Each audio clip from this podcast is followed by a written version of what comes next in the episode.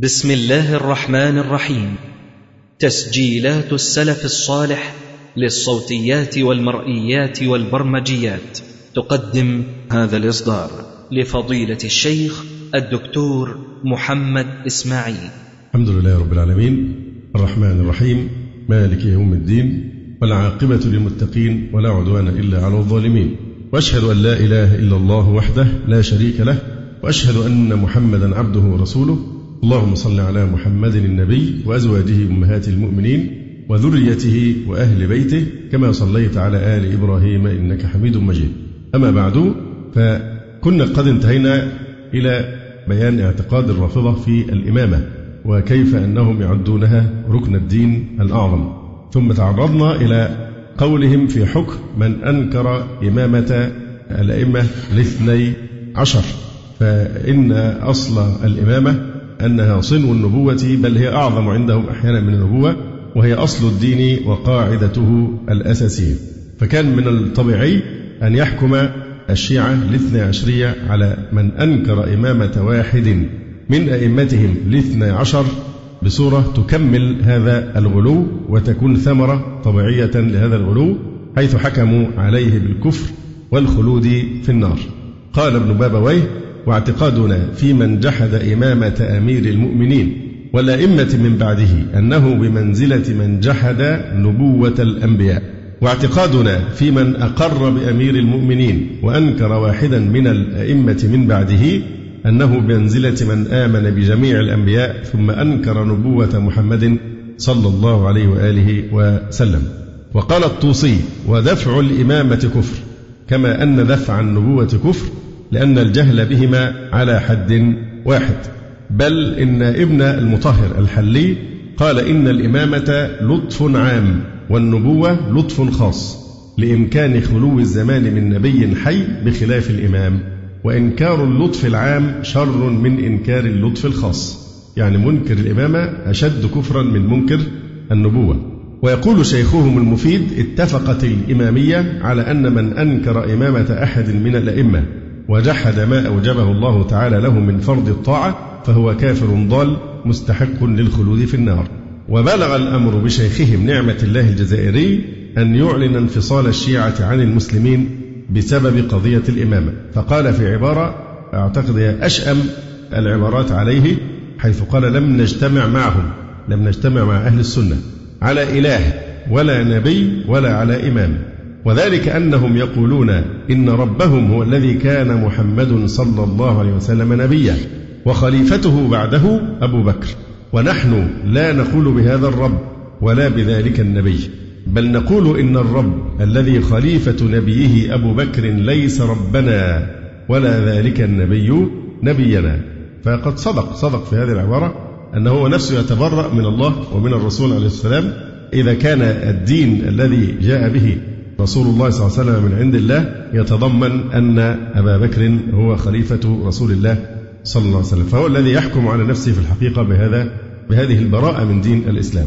بعد هذا التكفير العام خصصوا باللعن والحكم بالردة جميع فئات المسلمين ما عدا الاثني عشرية. فتناول تكفيرهم الصحابة رضي الله تعالى عنهم وعلى رأسهم خير هذه الأمة بعد نبيها أبو بكر وعمر رضي الله عنهم.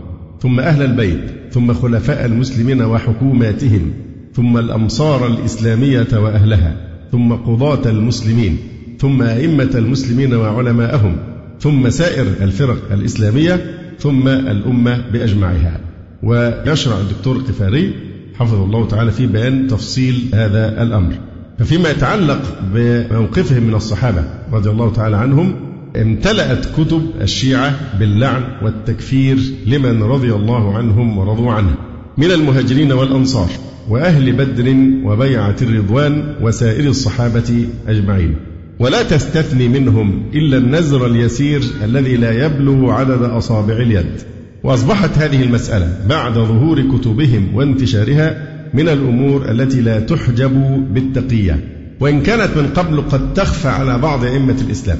يعني من قبل نرى بعض الأئمة أحسنوا الظن بالرافضة لأنه لم يكن لهم وسيلة للتعامل المباشر مع مراجعهم التي يقدسونها. أما الآن فما عاد تصلح التقية بالذات في قضية أنهم يكفرون الصحابة رضي الله تعالى عنهم أجمعين.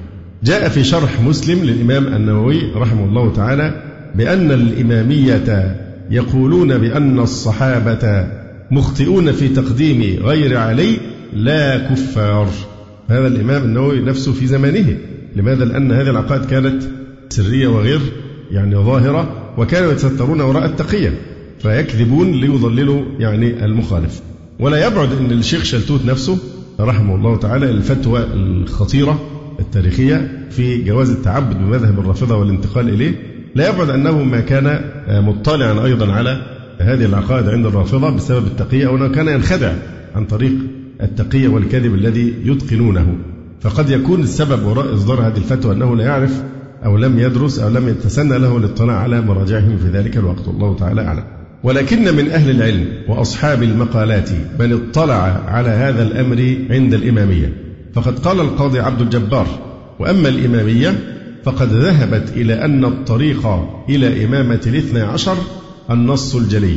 يعني الإمامة مثبتة بالنص الجلي وناقشنا ذلك يوم السبت. الذي يكفر من أنكره ويجب تكفيره فكفروا لذلك صحابة النبي صلى الله عليه وآله وسلم. هذا كلام القاضي عبد الجبار وطبعا هذا من أئمة المعتزلة. وقريب من هذا المعنى قال عبد القاهر البغدادي وابن تيمية وغيرهما أيضا أنهم يكفرون الصحابة بسبب قضية الإمامة. لكن العدد الذي تستثنيه الرافضة من حكمها العام بالتكفير لم أجد من أشار إليه بما يتفق مع ما جاء في كتب الاثنى عشرية. فيقول عبد القاهر البغدادي وأما الإمامية فقد زعم أكثرهم أن الصحابة ارتدت بعد النبي صلى الله عليه وآله وسلم سوى علي وابنيه ومقدار ثلاثة عشر منهم. أما شيخ الإسلام ابن تيمية رحمه الله تعالى فيقول إن الرافضة تقول إن المهاجرين والأنصار كتموا النص فكفروا إلا نفرا قليلا إما بضعة عشر أو أكثر. ثم يقولون إن أبا بكر وعمر ونحوهما ما زالا منافقين. وقد يقولون بل آمنوا ثم كفروا والعياذ بالله. فهم يزعمون أن أبا بكر وعمر لم يدخلا في الإسلام قط إطلاقا. وإنما تظاهر بالدخول في الإسلام وهما يبطنان الكفر والعياذ بالله. فريق آخر منهم يقول لا ده هم آمنوا ثم ارتدوا بعد ذلك وكفروا. الحقيقة أن العدد الذي تستثنيه الاثنى عشرية أقل مما يذكرون. هذا ما جاء في كتب السنة وغيرهم حول مذهب الشيعة في الصحابة. سنرى الآن ماذا يقول الشيعة من خلال مصادرهم المعتمدة عندهم. تقول كتب الاثنى عشرية إن الصحابة رضي الله عنهم بسبب توليتهم لأبي بكر قد ارتدوا إلا ثلاثة. أصل هي قضية يعني يكون اختار حاكم مكان حاكم تاني حتى بفرض جدلي إن الحاكم الذي لم يختار أفضل جدلا ما تقتضيش كفر لكن هم نتيجة الغلو في فكرة الإمامة ورفعها إلى أن تكون ركن الدين الأعظم هو الذي حدا بهم إلى آه، هذا الغلو. فالقضية عندهم آه، قضية مبنية على غلوهم في مفهوم الإمامة. تقول كتبهم إن الصحابة بسبب توليتهم لأبي بكر قد ارتدوا إلا ثلاثة. وتزيد بعض روايتهم ثلاثة أو أربعة آخرين رجعوا إلى إمامة علي يصبح المجموع سبعة لا يزيدون على ذلك. يعني أكثر من عشرين ألف صحابي رضي الله عنهم ما بقي منهم على الإسلام إلا سبعة. ولقد تداولت الشيعة أنباء هذه الأسطورة في المعتمد من كتبها فسجلوا ذلك في أول كتاب ظهر لهم وهو كتاب سليم بن قيس. ثم تتابعت كتبهم في تقرير ذلك وإشاعته وعلى رأسها الكافي أوثق كتبهم الأربعة ورجال الكشي عمدتهم في كتب الرجال وغيرها من مصادرهم كتفسير العياشي والبرهان والصافي وتفسير نور الثقلين والاختصاص والسرائر وبحار الأنوار. وليست هذه مجرد آراء لبعض شيوخهم ولكنها روايات عن معصوميهم تحمل صفة العصمة والقدسية عندهم. أما سب ذلك الجيل القرآني الفريد. رضي الله عنهم على ألسنة شيوخهم فهو قد سود معظم كتبهم. يقول ولو ذهبت أسرد للقارئ ما رأيت من هذا الغثاء لبلغ مجلدات.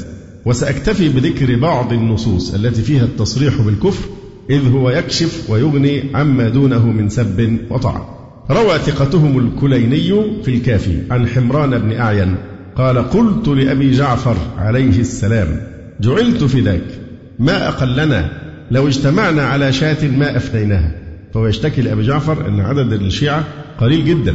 يقول له ده إحنا لو اجتمعنا كلنا كل الشيعة الموجودين على شاة لأفنيناها يعني هنقدر ناكلها كلنا؟ ما هو العدد اللي ممكن ياكل شاة؟ أكيد عدد محدود. فيقول له ما أقلنا لو اجتمعنا على شاة ما أفنيناها يقول ما أفنيناها هتفضل يفضل منها أشياء. فقال ألا أحدثك بأعجب من ذلك؟ المهاجرون والأنصار. ذهبوا إلا وأشار بيده إيه؟ ثلاثة. يعني ارتدوا عن الإسلام ما عدا إيه؟ ثلاثة. فانظر إلى هذا العدوان. شيخهم المعاصر علي أكبر الغفاري يقول يعني أشار عليه السلام بثلاث من أصابع يده والمراد بالثلاثة سلمان وأبو ذر والمقداد. فالتكفير كما ترى يتناول أفضل صحابة رسول الله صلى الله عليه وآله وسلم وهم المهاجرون والأنصار.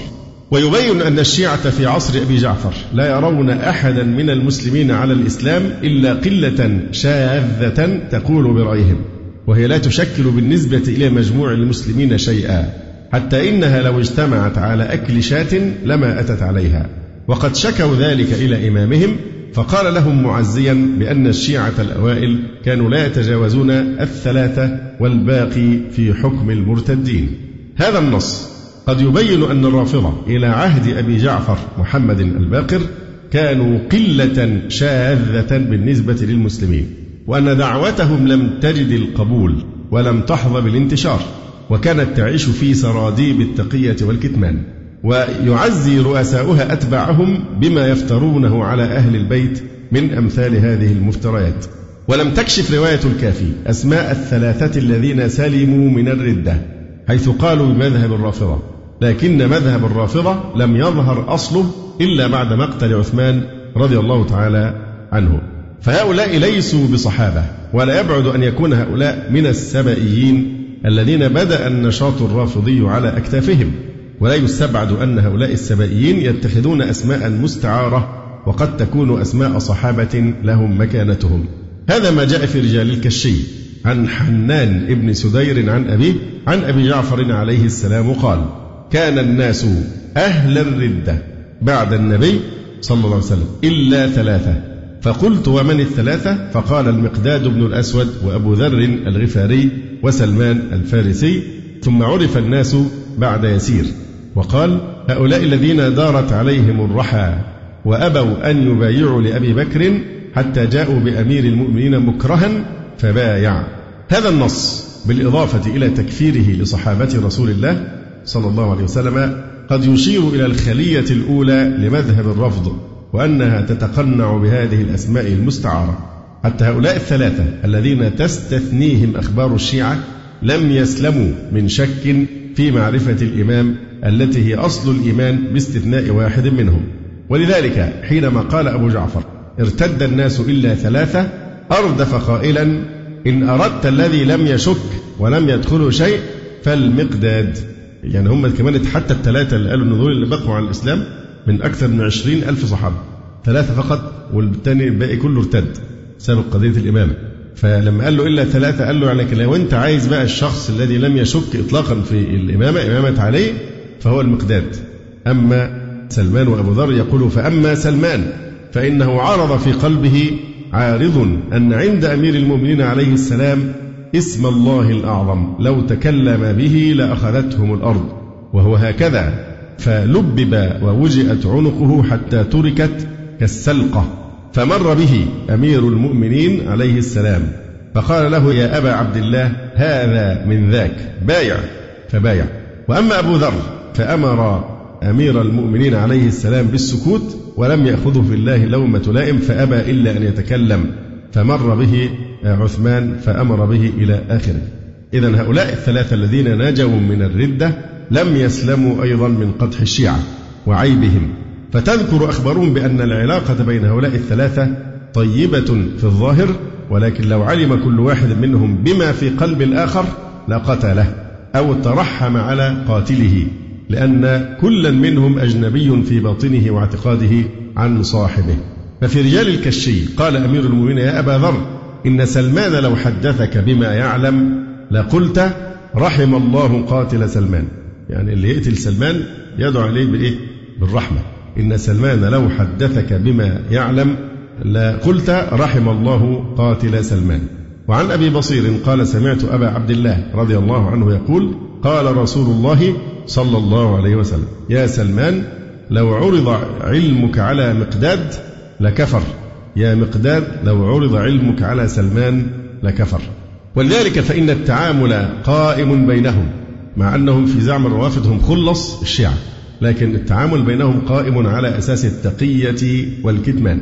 فعن جعفر عن أبيه رضي الله عنه قال ذكرت التقية يوما عند علي عليه السلام فقال إن علم أبو ذر ما في قلب سلمان لقتله وقد آخى رسول الله صلى الله عليه وسلم بينهما فما ظنك بساير الخلق؟ وظنك ببقية الصحابة بقى. هذه النصوص تنطبق على أهل البدعة والكفر لأنك تحسبهم جميعا وقلوبهم شتى. ويبرأ منها صحابة رسول الله صلى الله عليه وسلم.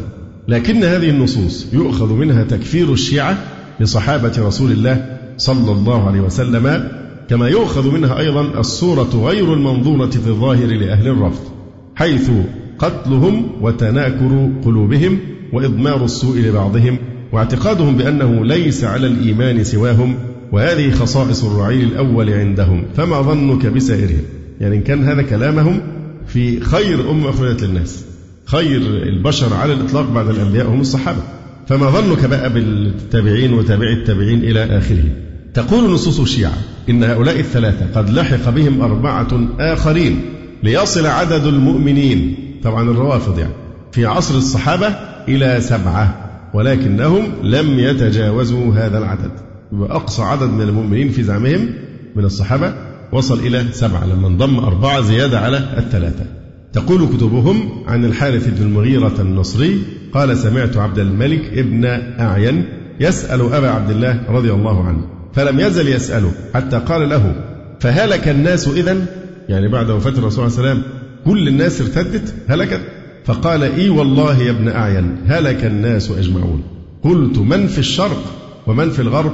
قال فقال إنها فتحت على الضلال أي والله هلكوا إلا ثلاثة. ثم لحق أبو ساسان واسمه الحصين ابن المنذر وعمار يعني عمار بن ياسر وشتيرة من أصحاب علي وأبو عمرة الأنصاري وصاروا سبعة. يعني انضم لهم بعد ذلك أربعة وأصبحوا سبعة هؤلاء فقط الذين بقوا على الإسلام. تؤكد جملة من نصوصهم على أن العدد لم يزد عن ذلك. قال أبو جعفر وكانوا سبعة. فلم يكن يعرف حق أمير المؤمنين عليه السلام إلا هؤلاء السبعة. طبعا هناك الروايات أيضا في الاختلاف في تعيين السبعة. الرافضة تؤول أحيانا آيات الإيمان والثناء على الصحابة رضي الله تعالى عنهم بهذا العدد اليسير الذي تستثنيه من الأصل العام في التكفير في تفسير القمي في تفسير قوله تعالى إنما المؤمنون الذين إذا ذكر الله وجلت قلوبهم وإذا تليت عليهم آياته زادتهم إيمانا وعلى ربهم يتوكلون. الذين يقيمون الصلاة ومما رزقناهم ينفقون أولئك هم المؤمنون حقا لهم درجات عند ربهم ومغفرة ورزق كريم. قال فإنها نزلت في أمير المؤمنين عليه السلام وأبي ذر وسلمان ومقداد. كل المؤمنين الذين تشملهم هذه الآية فقط تتحقق في من؟ في علي ومعه هؤلاء الثلاثة إنها نزلت في أمير المؤمنين علي عليه السلام وأبي ذر وسلمان والمقداد وفاتهم أن الشيعة إنما تثني على هؤلاء الثلاثة وتدخلهم في عداد المؤمنين لا لهذه الأوصاف المذكورة في الآية ولكن لأنهم آمنوا بإمامة علي يعني هو إشمعنى قالوا إن الآيات دي نزلت في إيه؟ في علي ومعاه أبو ذر وسلمان والمقداد هل نظرا إلى تحلي هؤلاء الصحابة رضي الله تعالى عنهم أنهم هم فقط هم فقط الذين تحلوا بهذه الصفات؟ الذين إذا ذكر الله وجدت قلوبهم وإذا تليت عليهم آياته زادتهم إيمانا وعلى ربهم يتوكلون إلى آخره؟ لا مش بسبب هذه الآيات وإنما بسبب إيه؟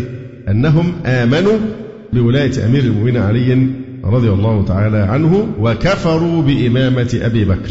هذا الأصل الذي تزن به الشيعة من خالفه. يعني هذا هو الأساس الذي على أساسه تقسم الشيعة الناس إلى مؤمنين وإلى كفار. فإدراج الثلاثة الصحابة مع علي رضي الله عنه في وصف المؤمنين وأنهم المقصودون بهذه الآيات الكريمة ليس لاتصافهم بما في الآية من صفات.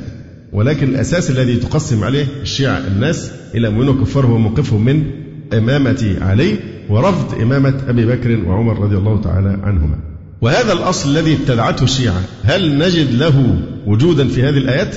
في في الآيات. أي إشارة إلى هذا الميزان الذي ابتدعه الشيعة في تقسيم الناس إلى كفار ومؤمنين طبقا لموقفهم من إمامة علي وهؤلاء الثلاثة؟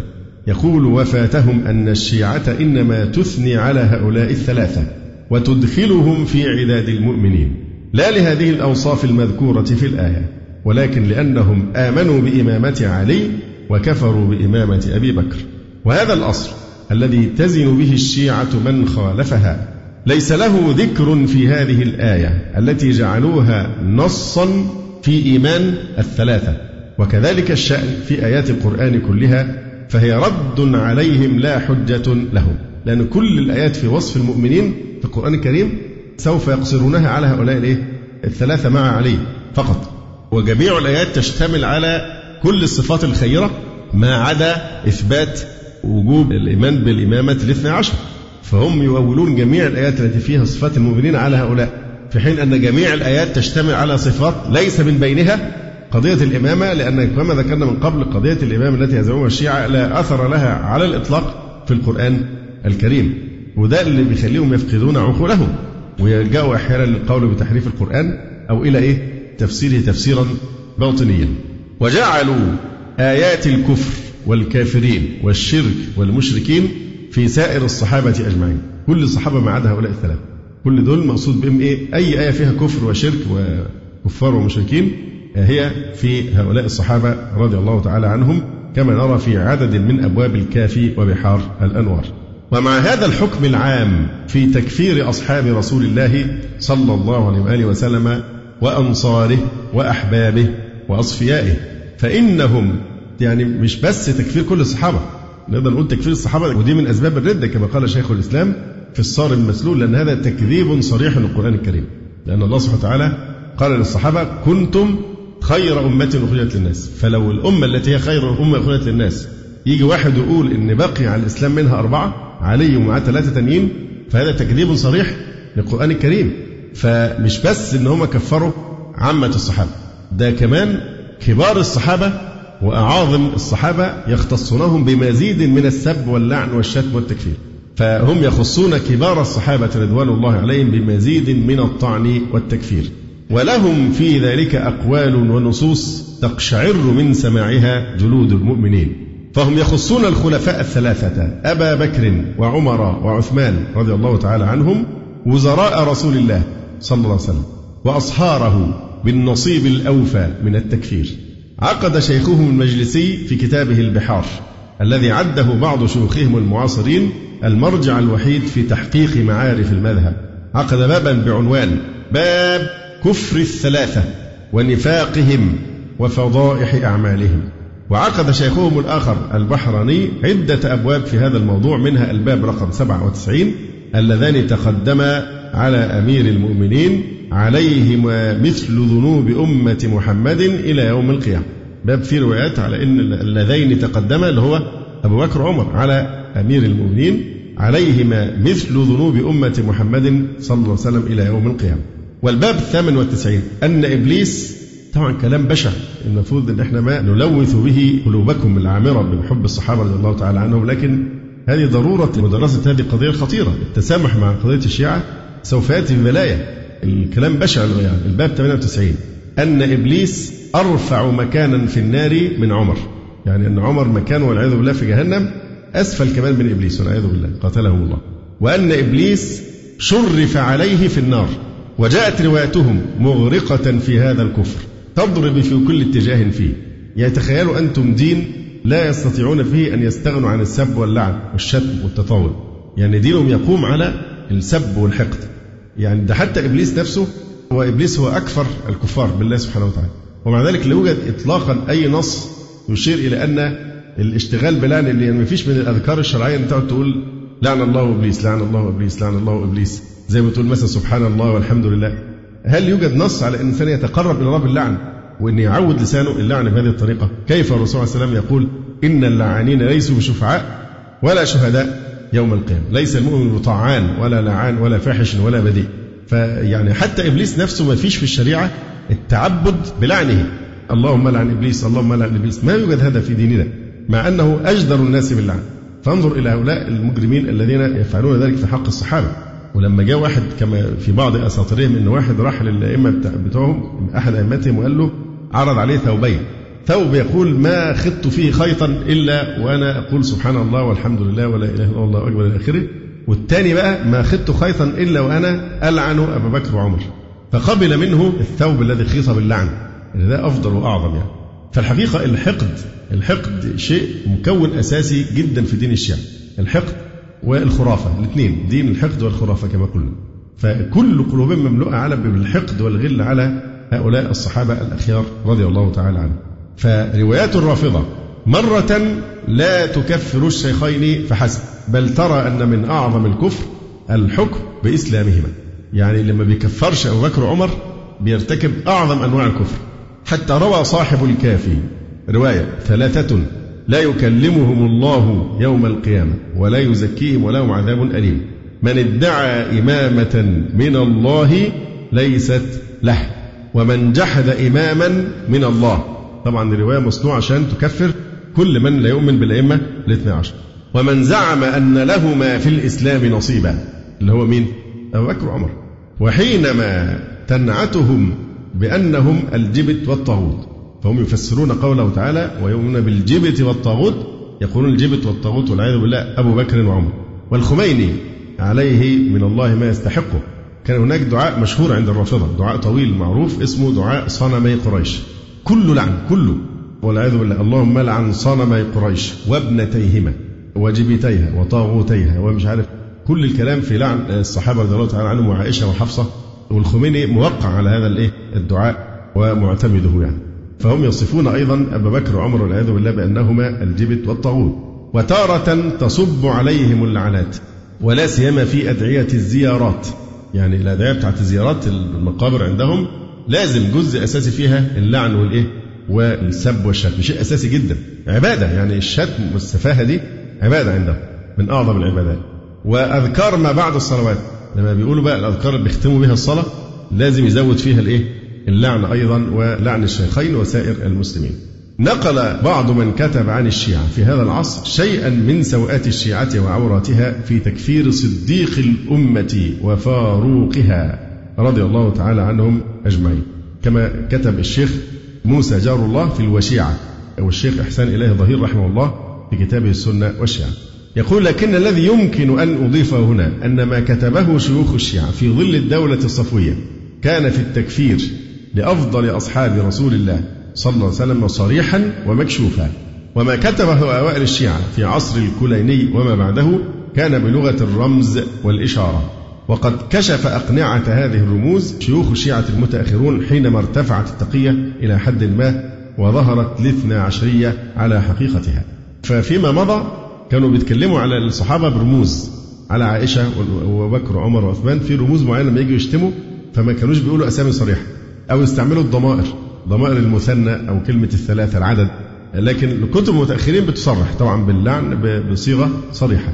يقول فمن مصطلحاتهم الخاصة تسمية الشيخين بالفصيل ورمع أو رمع وذلك لأنهم كانوا لا يجرؤون على التصريح بالاسم في إبان قوة دولة الإسلام.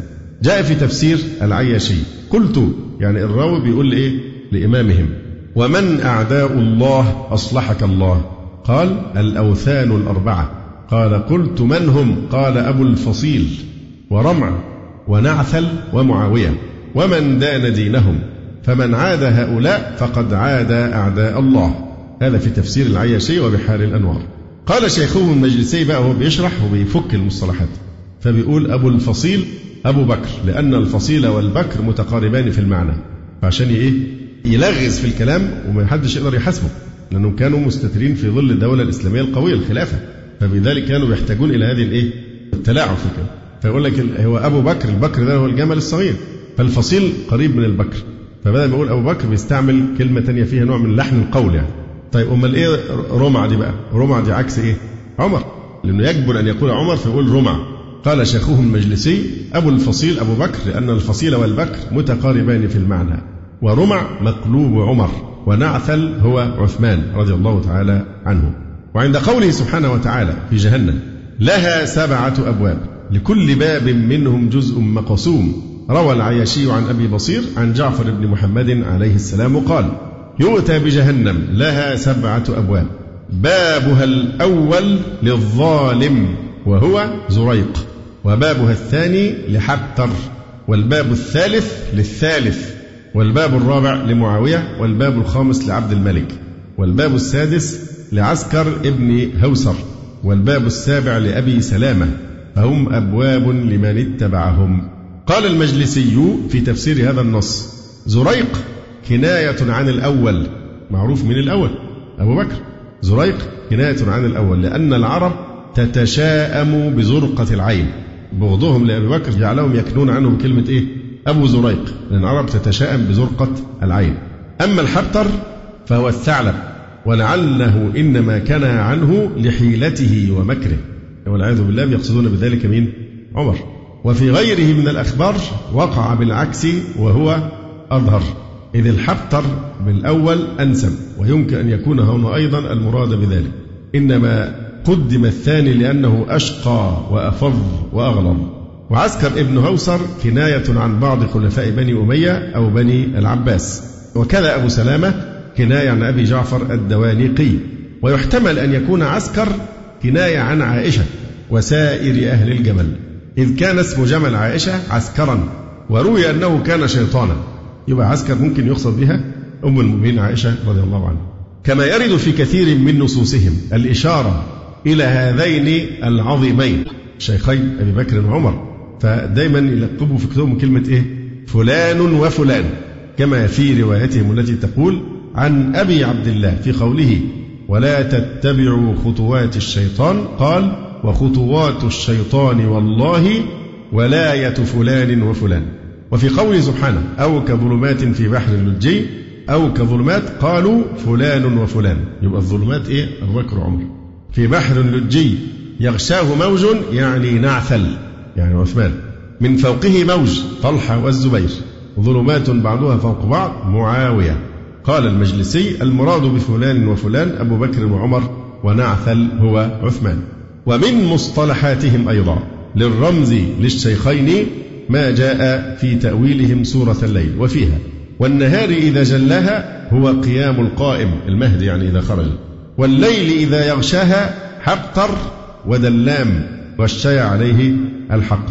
قال المجلسي وهو شيخ الدولة الصفوية في زمنه حبتر ودلام أبو بكر وعمر والعياذ بالله.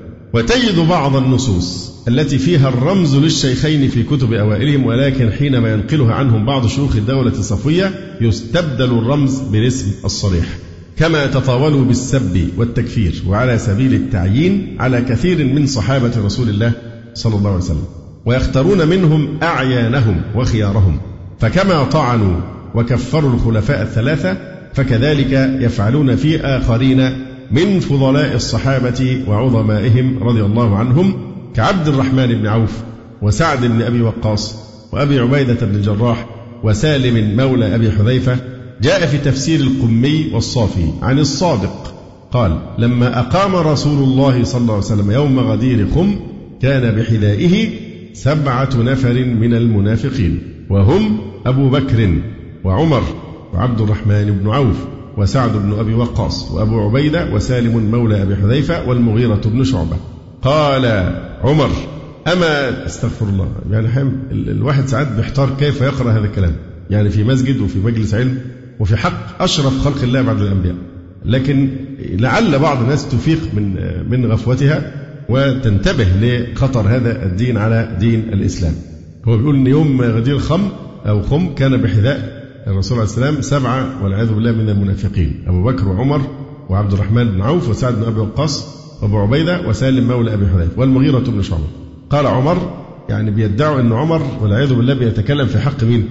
بيكلمهم كده بينهم وبعض ما هو بقى كلهم منافقين مش مؤمنين. وبيعلق على الرسول عليه وسلم وهو يتكلم وهو يخطب. قال عمر استغفر الله. حكاية الكفر ليست بكفر. أما ترون عينه كأنما عين مجنون والعياذ بالله. قاتلهم الله.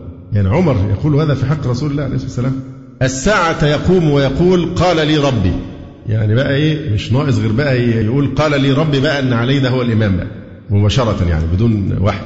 فيعني هذا هذا هذا هو موقف هؤلاء الكذابين الدجالين. فلما قام قال أيها الناس من أولى بكم من أنفسكم؟ قالوا الله ورسوله. طبعا يبقى قالوها برضو إيه؟ نفاقا. قالوا الله ورسوله. قال اللهم فاشهد. ثم قال ألا من كنت مولاه؟ فعلي مولاه.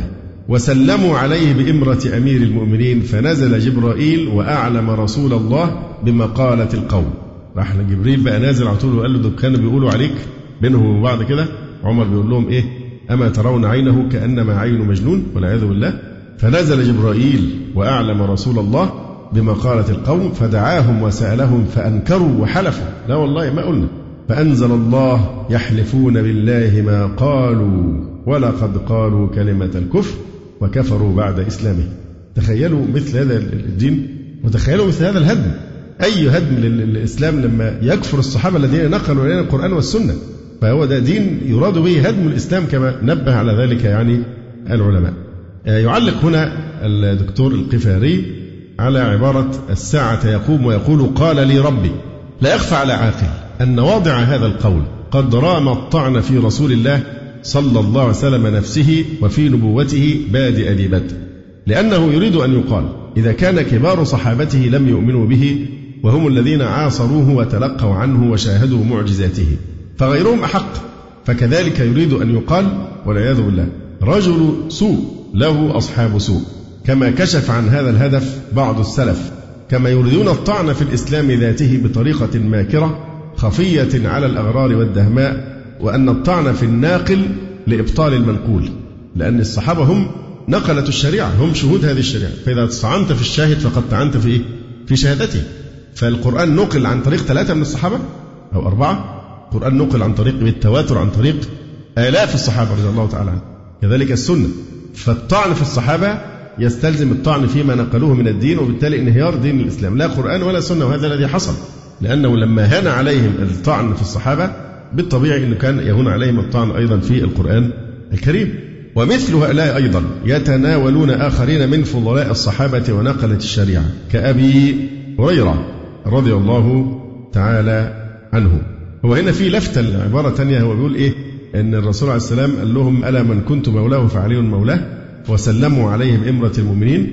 فنزل جبرائيل وأعلم رسول الله بمقالة القوم فدعاهم وسألهم فأنكروا وحلفوا. يبقى هنا تلاحظ بيقولوا إيه؟ بيقول الرسول صلى الله عليه وسلم مين اللي عرفه؟ بما زعم من المكان جبريل. نزل وقال له خلي بالك دول قالوا عليك كذا كذا وأنت بتخطئ. لكن عندهم عقيدة في عقيدتهم كما ذكرنا من قبل أن أئمتهم يعلمون ما كان وما يكون ولا يخفى عليهم شيء كما جاء في كتاب الكافي. فكأن الأئمة أعلم من رسول الله. الرسول احتاج جبريل يجي له ويقول له خلي بالك دول قالوا كذا وكذا. فهو طبعا جابهم وسألهم حلفوا قالوا لا ما قلناش. وراح إيه نزلت الآية بقى إيه؟ يحلفون بالله ما قالوا ولقد قالوا كلمة الكفر. الرافضي المعاصر عبد الحسين المسوي ألف كتابا في حق أبي هريرة راوية الإسلام رضي الله عنه. انتهى فيه إلى القول بأن أبا هريرة كان منافقا كافرا والعياذ بالله. فهم طعنوا في أبي هريرة وأنس بن مالك والبراء بن عازب وطلحة والزبير بن العوام. بل قال في طلحة والزبير كان إمامين من أئمة الكفر. يعني لازم نلاحظ أن إحنا إحنا بنتلقى الطعنات. يعني إحنا ما نعتدي عليها إحنا مش أكثر من لهم لا تؤذونا في أحبابنا. صحابة رسول الله صلى الله عليه وسلم. بس مش عايزين نسمع الأذية. بلاش لعن بلاش سب بلاش طعن مش عايزين. فهم الذين يعتدون على ديننا يعتدون على قرآننا يعتدون على سنة نبينا يعتدون على خير أمة أخرجت للناس. ونحن نتلقى هذا فقط. إحنا بنهاجم مش ما نسيء إليهم في شيء. زي ما إحنا ما بنهاجم النصارى في حق عيسى ولا في حق موسى وكذلك الرافضة نحن نعرف قدر أهل البيت أحسن منهم ونحن أولياء أهل البيت وشيعتهم على الحقيقة رضي الله تعالى عنهم أجمعين. يقول أما كلام شيوخهم في هؤلاء العظماء فقد سود الصفحات فإنه لا يخلو مصنف من مصنفاتهم في مسألة الإمامة ونحوها إلا وفيه من التكفير والسب واللعن ما لا يخطر ببال مسلم. ذلك لأنهم لا يرونهم على الإسلام أصلا وفضلا عن ذلك فإنهم يرونهم من ألد أعدائهم ومن الظالمين لهم. لأنهم بايعوا أبا بكر وعمر وعثمان وكانوا في عهدهم على كلمة سواء وكانوا بنعمة الله إخوانا. فأقاموا دولة الإسلام وفتحوا البلاد ونشروا الإسلام بين العباد وأطفأوا نار المجوسية وحطموا طاغوت الوثنية. وأخرجوا الناس من عبادة العباد إلى عبادة رب العباد وخالقهم فأوغروا بذلك صدور الزنادقة الحاقدين من أصحاب تلك البلاد المفتوحة وأتباع تلك الديانات الموضوعة. فكان من كيدهم الدخول لإفساد أمر هذه الأمة عن طريق التشيع. وكان من الطبيعي أن تكون مسألة الإمامة هي هدفهم وشغلهم الشاغل. فكان من أمرهم ما كان ثم أصبح كيدهم وخلاصة مكرهم عقيدة لهؤلاء الشيع كفروا بها الحاكم والمحكوم. قال ابن بابويه في الاعتقادات فمن ادعى الإمامة وليس بإمام فهو الظالم الملعون ومن وضع الإمامة في غير أهلها فهو ظالم ملعون. فهذا تكفير للحاكم والمحكوم في مختلف العصور ما عدا حكم علي والحسن رضي الله عنهما. وحينما سئل شيخهم المفيد الملقب عندهم بركن الإسلام وآية الله الملك العلام عما ورد عن أمير المؤمنين رضي الله عنه أنه قال وهذا خبر متواتر عن أمير المؤمنين علي على منبر الكوفة أنه قال لا أوتى برجل يفضلني على أبي بكر وعمر إلا جلدته حد المفتري. فأجاب عليه من الله ما يستحق. إن الوجه فيه أن المفاضل بينه وبين الرجلين إنما وجب عليه حد المفتري. عندهم طريقة شيطانية. في إن إزاي يعني يحولوا النص إلى عكسه تماما. ثانية اثنين إذ هما في الغار. هذه أشرف مناقب أبي بكر صحبة الرسول عليه السلام في رحلة الهجرة. ثانية اثنين إذ هما في الغار. طبعا آية في القرآن مش هيقدروا يكذبوها. فيقولوا إيه بقى؟ يقولوا ده الرسول عليه السلام اصطحب معه أبا بكر لأنه خشي أنه إن تركه سوف يدل قريشا عليه. يعني حاجة يعني تذهب بالعقول. قدرتهم والتبجح في الافتراء. فهنا دي من من أقوى الأدلة أنهم يثبتون هذه الرواية عن أمير المؤمنين علي. أنه على تواتر عن أمير المؤمنين علي هذا كلام أهل السنة أنه خطب على منبر الكوفة فقال لا اوتى برجل يفضلني على أبي بكر وعمر إلا جلدته حد المفتري. أظن واضحة جدا. بيقولوا إيه بقى؟ هم بيردوا عليها بقى بيجيبوا النص ويردوا يقولوا إيه؟ إن الوجه فيه السبب إنه يستحق أن يجلد حد المفتري أن المفاضل بينه وبين الرجلين إنما وجب عليه حد المفتري لأن المفاضلة لا تكون إلا بين متقاربين في الفضل وكان الرجلان بجحدهما النص قد خرج عن الإيمان بطل بذلك أن يكون لهما فضل في الإسلام فكيف يحصل لهما من الفضل ما يقارب فضل أمير المؤمنين؟ زي يقول لك مثلا ألم ترى أن السيف ينقص قدره؟ إذا قيل إن السيف أمضى من العصا. يبقى أنت كده بت إيه؟ مش بتعظم السيف.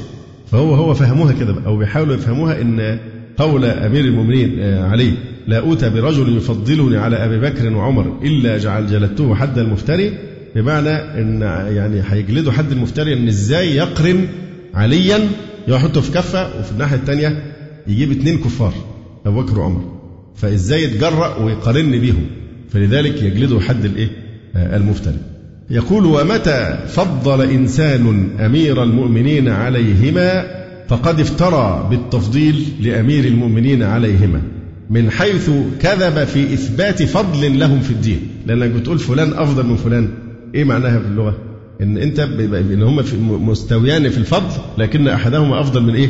من الآخر. فأنت بتثبت قدرا مشتركا من الفضل فهو بيستكثر على بكر وعمر أن لهم فضل أصلا. كيف وهم في نظره كفار؟ فبيقول ومتى فضل إنسان أمير المؤمنين عليهما فقد افترى بالتفضيل لأمير المؤمنين عليهما من حيث كذب في إثبات فضل لهما في الدين. وجرى في هذا الباب مجرى من فضل المسلم البر التقي على الكافر المرتد. ينفع تفضل المسلم المؤمن التقي البر على الكافر المشرك المرتد؟ إزاي تفضل بينهم ومجرى من فضل جبرائيل على إبليس ورسول الله على أبي جهل بن هشام. واضح الكلام؟ فانظر كيف عد أفضل الأمة بعد نبيها بمنزلة إبليس وأبي جهل. وهذا موضع إجماع طائفته حيث يقول فقد حصل الإجماع على كفره. يعني عمر بعد إظهاره الإيمان. وقال شيخهم المجلسي ومما عد من ضروريات دين الإمامية. طبعا تلاحظ هنا بيستعمل كلمة إيه؟ دين الإمامية اعترافا بأنه دين مستقل بذاته منفصل عن دين الإسلام. وهذا لا شك فيه. أننا في ضوء الدراسة أن الدين الذي يعرضه الشيعة لا شك هو لا يمكن أن يكون من عند الله. لا يمكن أن يكون هذا هو الدين. كما نبهنا على ذلك مرارا. يقول شيخهم المجلسي ومما عد من ضروريات دين الإمامية استحلال المتعة وحج التمتع والبراءة من أبي بكر وعمر وعثمان ومعاوية. ومن لم يبرأ من أبي بكر وعمر وعثمان فهو عدو وإن أحب عليا.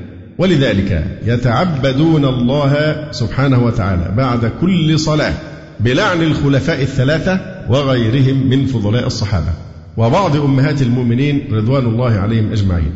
وعقد لذلك الحر العاملي بابا بعنوان باب استحباب لعن أعداء الدين عقيب الصلاة بأسمائهم. وذكر فيه ما روى الكليني عن ابن ثوير والسراج قال سمعنا أبا عبد الله رضي الله عنه وهو يلعن في دبر كل مكتوبة أربعة من الرجال وأربعا من النساء فلانا وفلانا وفلانا. ثلاثة يبقى مين؟ أبو بكر وعمر وعثمان. ويسميهم ومعاوية وفلانة وفلانة عائشة وحفصة وهندا وأم الحكم أخت معاوية. وفي مستدرك الوسائل لشيخهم النوري الطبرسي عقد بابا بعنوان باب استحباب لعن أعداء الدين عقيب الصلاة بأسمائهم. ساق فيه جملة من روايتهم ومنها عن أبي عبد الله أنه قال إن من حقنا على أوليائنا وأشياعنا ألا ينصرف الرجل فيهم حتى يدعو بهذا الدعاء. اللهم ضاعف لعنتك وبأسك ونكالك وعذابك على اللذين كفرا نعمتك وخوفا رسولك وحل عقده في وصيه ونبذ عهده في خليفته من بعده وادعيا مقامه وغير أحكامه وبدلا سنته وقلب دينه وصغر قدر حجتك وحججك وبدأ بظلمهم وطرقا طريق الغدر عليهم والخلاف عن أمرهم والقتل لهم ومنع خليفتك من سد الثلم وتقويم العوج وإمضاء الأحكام وإظهار دين الإسلام. كل ده عمل أبو بكر وعمر منعوه من إظهار دين الإسلام وإقامة حدود القرآن. اللهم لعنهما وابنتيهما اللي أنا سعيد من أجله أن أنا أتذكر قول الرسول عليه السلام أن من لعن شخصا وهو غير مستحق للعن فإن اللعن يعود على هذا اللاعن الخبيث. فهم يدعون على أنفسهم في الحقيقة حيث يتطورون بهذا الإجرام على خير من وطأ الحصى بعد الأنبياء عليهم السلام أبي بكر وعمر بهذا الأسلوب. يقول ومنع خليفتك من سد الثلم وتقويم العوج وإمضاء الأحكام وإظهار دين الإسلام وإقامة حدود القرآن.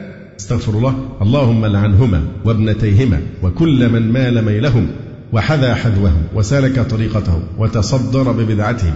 لعنا لا يخطر على البال ويستعيذ منه أهل النار. إلا عن اللهم من دان بقولهم واتبع أمرهم ودعا إلى ولايتهم وشك في كفرهم من الأولين والآخرين. فانظر كيف لعنوا في هذه الكلمات المظلمة المسلمين جميعا من الأولين والآخرين وخصوا بمزيد من اللعن والتكفير. من أقام دولة الإسلام بعد رسول الله صلى الله عليه وسلم؟ ونشر دين الله في العالمين. وعدوهما وجميع من اتبعهما يعني جميع المسلمين من أعداء الدين. فأي دين يعتقد هؤلاء الذين يعدون صحابة رسول الله ومن اتبعهم بإحسان هم أعداء الدين؟ فليكن أي دين ونحلة إلا دين الإسلام. إن هذه اللعنات تؤكد أن واضعها من أتباع تلك الديانات التي قضى عليها الإسلام بقيادة أبي بكر وعمر وإخوانهما رضوان الله عليهم أجمعين. وفي مزاراتهم يجري أيضا بواسطة الأدعية التي وضعها لأولئك الأتباع زنادقة العصور البائدة غرس الأحقاد وبث الضغائن وتأجيج العداوة في لعنات متتالية ومتتابعة على خير القرون. ففي زيارة فاطمة مثلا من مناسك زيارة فاطمة أدعية معينة يلعنون أبا بكر وبقية الصحابة رضوان الله عليهم في دعاء يقولون فيه السلام عليك يا فاطمة يا سيدة نساء العالمين لعن الله مانعك إرثك ودافعك عن حقك والراد عليك قولك. لعن الله أشياعهم وأتباعهم وألحقهم بدرك الجحيم والعياذ بالله. وتلاحظ أن واضع هذا الدعاء يقصد فيه لعن صديق هذه الأمة ثم يلحق فيه كل من شايعه فيدخل فيهم أمير المؤمنين علي رضي الله عنه لأنه من شيعة أبي بكر وأعوانه ووزرائه يعني على الحقيقة لا كما يدعي الرافضة. ولا تخفى هذه الحقيقة. إن عليا من أشياع ومحبي أبي بكر كما هو الأمر في حقيقته ليس كما يتخيل الرافضة. ولا تخفى هذه الحقيقة على واضع هذا الدعاء ولكنه عدو للجميع ويتستر بالتشيع لأن العقل الشيعي في غيبوبة بفعل العواطف المشحونة زورا بظلم آل البيت وقهرهم وضياع حقهم وصراعهم مع أعدائهم وهم صحابة رسول الله صلى الله عليه وسلم. وقد حشدوا في ذلك ركاما هائلا من الأساطير لا تبقي في قلب من يؤمن بها إلا الحقد والتعطش لسفك الدماء والرغبة في الانتقام وواقعهم يشهد بذلك. اكتفي بهذا القدر. أقول قولي هذا وأستغفر الله لي ولكم. سبحانك اللهم ربنا وبحمدك. أشهد أن لا إله إلا أنت. أستغفرك وأتوب إليك. جزى الله فضيلة الشيخ خير الجزاء. ونسأل الله جل وعلا أن يرفع مكانة الشيخ في المهديين وأن يجعله علما من أعلام الهدى والدين. ولا تنسونا وتنسوا الشيخ من دعوة صادقة بظهر الغيب. وتقبلوا تحيات إخوانكم في تسجيلات السلف الصالح بالإسكندرية. هاتف رقم صفر ثلاثة فاصل أربعة تسعة أربعة سبعة ستة خمسة اثنان. والتليفون محمول صفر عشرة واحد ستة أربعة واحد تسعة ثمانية صفر. والسلام عليكم ورحمة الله وبركاته.